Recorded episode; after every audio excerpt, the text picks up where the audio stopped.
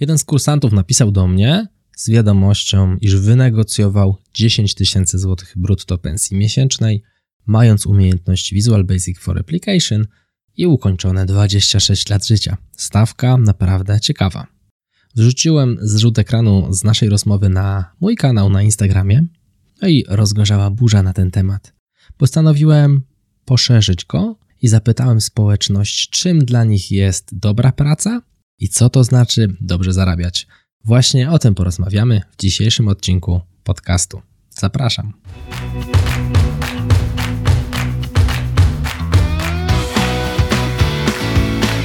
Chcesz przenieść swoją karierę na wyższy poziom? Nieważne, czy pracujesz na etacie, czy jesteś przedsiębiorcą. Świetnie trafiłeś.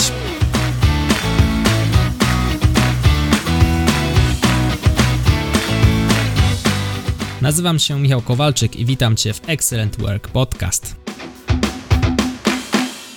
A żeby było zabawniej, dzień po informacji o tych 10 tysiącach brutto napisała do mnie jedna z kursantek, która po powrocie z macierzyńskiego uzyskała kwotę 7 tysięcy złotych brutto, co było znacznie kwotą wyższą niż przed okresem macierzyńskiego. A więc jak widać, można. Na pytanie, jaka to jest dobra praca, osoby z Instagrama odpowiadały w następujący sposób – Dobra praca to taka, która jest dobrze płatna, która charakteryzuje się dobrą atmosferą, zdrowymi relacjami w zespole i daje możliwość rozwoju. To jest sytuacja, w której widzisz rezultat swojej pracy. No i ten rezultat pracy w korporacji faktycznie jest czymś trudnym. Bardzo często siedzimy za komputerem, dotykamy Excela, zmieniamy jakieś liczby, cyfry, nie widzimy tego rezultatu końcowego. I dobrze w takiej sytuacji jest spróbować albo wynegocjować z pracodawcą, albo nawet samemu pojechać w miejsce, w którym spotykamy się z klientem końcowym, a więc gdzie te nasze liczby faktycznie przekładają się na biznes. Bardzo często jest to do zrobienia. Pracodawcy chcą takie wycieczki podejmować, bo po prostu wiedzą, że przekłada się to realnie na lepsze poczucie wypełniania obowiązków przez ich pracowników. Pracując w korporacji, byłem na takich wycieczkach niejednokrotnie. Kolejne odpowiedzi na pytanie, jaka to dobra praca to taka, która sprawia radość w jej wykonywaniu, taka, do której się nie chodzi z przymusu, taka, za którą na naszym stanowisku dostajemy godne wynagrodzenie. No i przy godnym wynagrodzeniu padło tutaj przeze mnie pytanie pogłębiające, o tym za chwilę. Dobra praca to taka, która daje szansę rozwoju i jest stabilna. Stabilna to taka, w której nie boimy się, że ją utracimy. To taka, w której czujesz, że to, co robisz, ma sens i czujesz, że jako człowiek ludzie mają do ciebie szacunek. I tutaj apel do wszystkich słuchających, jeżeli twój pracodawca albo osoby w twojej pracy czujesz, że nie mają do ciebie szacunku, to albo głośno zaprotestuj i wyartykułuj, że nie życzysz sobie takiego traktowania, albo koniecznie zmień pracę. I teraz mocno subiektywnie, ale w mojej ocenie szacunek do ciebie to nie jest coś, co można sprzedać. Szacunek do mnie to nie jest coś, co można sprzedać. Nie ma takich pieniędzy, za które powinniśmy sprzedawać nasz szacunek. Zresztą podobnie jak i wolność. Pamiętajmy o tym. Pytanie pogłębiające, które zadałem, no to dobra, skoro dobrze płatna praca, dobra praca to taka, która jest dobrze płatna, to ile to znaczy dobrze zarabiać? Za etat 170 godzin. Kluczowe jest to za etat. Otóż odpowiedzi, które zobaczyłem, były bardzo rozbieżne. Najniższa kwota, z jaką się spotkałem, to 2050 zł netto. Najwyższa, jaką się spotkałem, to około 40 tysięcy złotych brutto czyli około 30 tysięcy złotych na rękę miesięcznie. Teraz komentarze, które się pojawiały. Tyle, by nie czuć się wykorzystywanym. Tyle, aby spokojnie żyć i pozwalać sobie na przyjemności. Między 15 a 20 tysięcy złotych na rękę. W obecnych realiach 10 tysięcy złotych brutto, czyli jakieś 7 tysięcy złotych na rękę, jeśli nie ma się rodziny. Jeśli się ma rodzinę, 20 tysięcy złotych i więcej. 6 tysięcy złotych na rękę. To zależy jaka praca. Dla mnie to punkt, w którym nie martwię się, czy wystarczy mi do pierwszego. K i tutaj cenzura. Pi.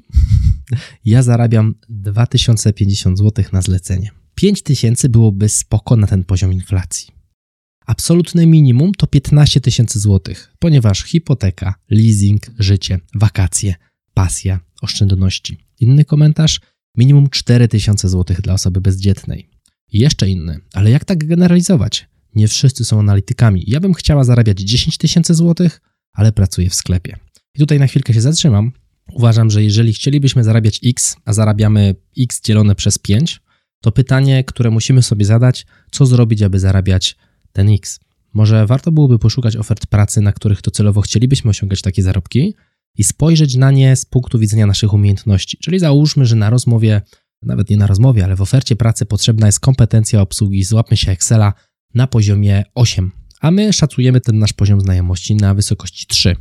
No to teraz pytanie, co muszę umieć i co muszę zrobić, aby osiągnąć poziom czwarty, piąty, szósty, siódmy, aż dojść do poziomu ósmego. Jeżeli osiągnę ten poziom kompetencji, szukam kolejnej, która jest potrzebna na takim stanowisku, aby zbliżyć się możliwie jak najszybciej do tego stanowiska marzeń. Oczywiście po drodze możemy zmieniać pracę, po drodze może nam się też zmienić to stanowisko marzeń. Tak było w moim przypadku. Myślałem o tym, aby zostać analitykiem biznesowym, natomiast pierwsza praca spowodowała, że po jakimś czasie okazało się, że zmieniłem pracę na drugą, gdzie okazało się, że zostałem trenerem Excela.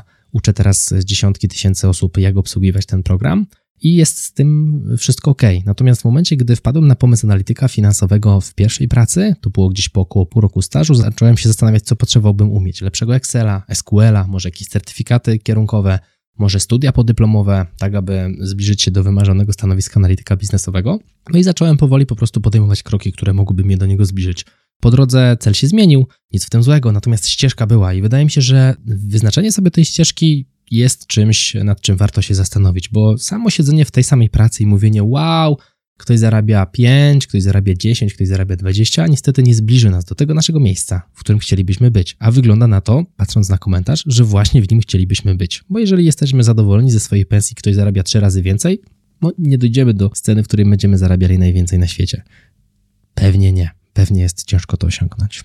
Kolejny komentarz. Na początku kariery w pierwszym roku 4 do 5 tysięcy złotych netto, potem więcej z rosnącym stażem pracy. I ostatni, tak żeby pokryć koszty, mieć na życie i odłożyć. U każdego będzie to inna kwota. Ja najbardziej przychylam się do tego ostatniego komentarza. Faktycznie warto sobie policzyć, ile my tak realnie wydajemy, ile realnie chcielibyśmy oszczędzać. Czy planujemy w najbliższym czasie jakieś mieszkania czy domy, czy jeżeli mamy dzieci, uwzględniamy też wydatki na ich edukację, które prędzej czy później przyjdą. Dzieci rosną szybko. Pamiętajmy o takich rzeczach. No i w ten sposób jesteśmy w stanie oszacować sobie koszty. Mając koszty oszacowane, wiemy już jaka jest pensja minimalna, która będzie dla nas taką pensją ok, jest to pensja ok, dokładamy do tego jeszcze coś, na czym moglibyśmy oszczędzać, no i już wiemy, w którym miejscu chcielibyśmy się znaleźć. Najczęściej padały kwoty pomiędzy 5 a 8 tysięcy złotych netto, czyli na umowie o pracę byłoby to około 7 do jakichś 11, 11,5 tysiąca złotych brutto. I teraz dlaczego ja Ci o tym mówię? To oczywiście nie są wszystkie komentarze, które pojawiły się w odpowiedzi na moje pytanie. Tych komentarzy było tam ze 40. Wybrałem po prostu te, które się nie powielają, w miarę możliwości nie powielają. Teraz mówię o tym nie dlatego, żeby Cię demotywować, jeżeli pracujesz za mniej, wręcz przeciwnie, w drugą stronę. Chcę Ci pokazać, że są ludzie, którzy nawet w młodym wieku dobrze zarabiają i nie są w branży IT bo nam wszystkim, albo znaczny znak, może wszystkim to nie, ale pewnej większości kojarzy się branża IT z właśnie tym, że tam ludzie zarabiają po 15 tysięcy złotych na rękę na dzień dobry na stanowisku juniorskim. Po pierwsze, tak nie jest, a po drugie, można na innych stanowiskach nie związanych z branżą IT, nieprogramistycznych, też dobrze zarabiać. Przez dobrze zarabiać mam na myśli kwoty powyżej tych 5 czy 7 tysięcy złotych na rękę. I teraz chodzi o to, że nie znamy pełnego kontekstu tych osób. Nie wiemy na przykład tego, kursanta, który w Visual Basicu w wieku 26 lat ukończonych wynegocjował sobie 10 tysięcy złotych brutto. Nie wiemy, w jakim mieście, znaczy ja akurat wiem, we Wrocławiu, to mogę powiedzieć. Natomiast nie znamy pełnego kontekstu, nie wiemy w jakiej sytuacji wynegocjował sobie te pensje i podobnie w innych przypadkach. Ale to pokazuje, że jest w ogóle taka możliwość i o to chodzi. Bardzo wiele osób uważa, że nie da się w Polsce zarobić, nie wiem, 7 tysięcy złotych na rękę. Uważają, że ta kwota jest w ogóle tak abstrakcyjna i tak olbrzymia, że to nie jest możliwe. Po to zadałem to pytanie, aby pokazać, że się da, aby pokazać, że są osoby, które mają takie aspiracje, ba, są osoby, które mając aspiracje na 15 tysięcy, pewnie zarabiają już z połowę z tego. Jest to wielce prawdopodobne. Zresztą pokazuje też tym samym, wrzucając bezpośrednio informacje od kursantów, którzy negocjują sobie pensje na Instagramie, po to, żeby pokazać te możliwości. I teraz, skoro oni mogą to zrobić, no to i ty być może będziesz w stanie pod warunkiem, że oczywiście tych zmian chcesz. No bo jeżeli tymi zmianami nie jesteś zainteresowany, jesteś zadowolony z miejsca, w którym jesteś, po co tutaj robić cośkolwiek? I teraz pamiętajmy też o drugiej stronie medalu. Z jednej strony mamy tak wysokie stawki, a z drugiej ja osobiście znam bardzo dużo osób, które nadal pracują nie 170 godzin w miesiącu, a 220, 250 czy nawet 300, pamiętajmy, że dochodzą jeszcze kwestie dojazdu i nie zarabiają tych 6 czy 7 tysięcy złotych netto. A więc z jednej strony dobrze jest docenić miejsce, w którym jesteśmy, pamiętając też o tym, że moglibyśmy pracować za mniej, ale z drugiej strony pamiętajmy też, że jeżeli dobrze się zaprzemy, jesteśmy w stanie dojść gdzieś wyżej, jeżeli chodzi o drabinkę płacową. I tu nie chodzi o to, że wszyscy możemy. Niestety nie. Są osoby chore, są osoby, które już od urodzenia mają bardziej pod górkę. Są osoby, na których spadły różnej maści nieszczęścia. Są osoby, które na przykład muszą się kimś zajmować, po prostu muszą się kimś zajmować i nie mają takiego wachlarza możliwości, jak ta część osób, która tych zobowiązań zewnętrznych nie ma. No i one faktycznie mają trudniej. Niemniej jednak są takie osoby wśród kursantów i mówią mi o tym otwarcie, za co w, ogóle wielki szacunek im się należy. Nie proszę ich o to, one same chcą po prostu pogadać i dają radę, naprawdę osiągają też ciekawe, fajne, wysokie rezultaty. Mimo, że mają zdecydowanie trudniej niż osoby bez tych dodatkowych trudności, jeśli mogę tak powiedzieć. Teraz, jeżeli interesujecie temat zarobków Excela, zachęcam Cię też do sprawdzenia odcinka 14, ile możesz zarabiać dzięki Excelowi. Tymczasem, jeżeli podobało Ci się to, co dla Ciebie przygotowałem, tradycyjnie zachęcam Cię do wysłania tego odcinka jednej osobie i proszę Cię też jeszcze o dwie aktywności. Po pierwsze, zastanów się, co to znaczy dla Ciebie dobra praca, a po drugie, wyznacz sobie pułap zarobków, który chciałbyś, chciałabyś mieć i poszukaj stanowiska, na którym chciałbyś, chciałabyś pracować w przyszłości, a następnie zastanów się, jakich kompetencji, czego brakuje Ci, aby tam się w przyszłości znaleźć. To wszystko w tym odcinku.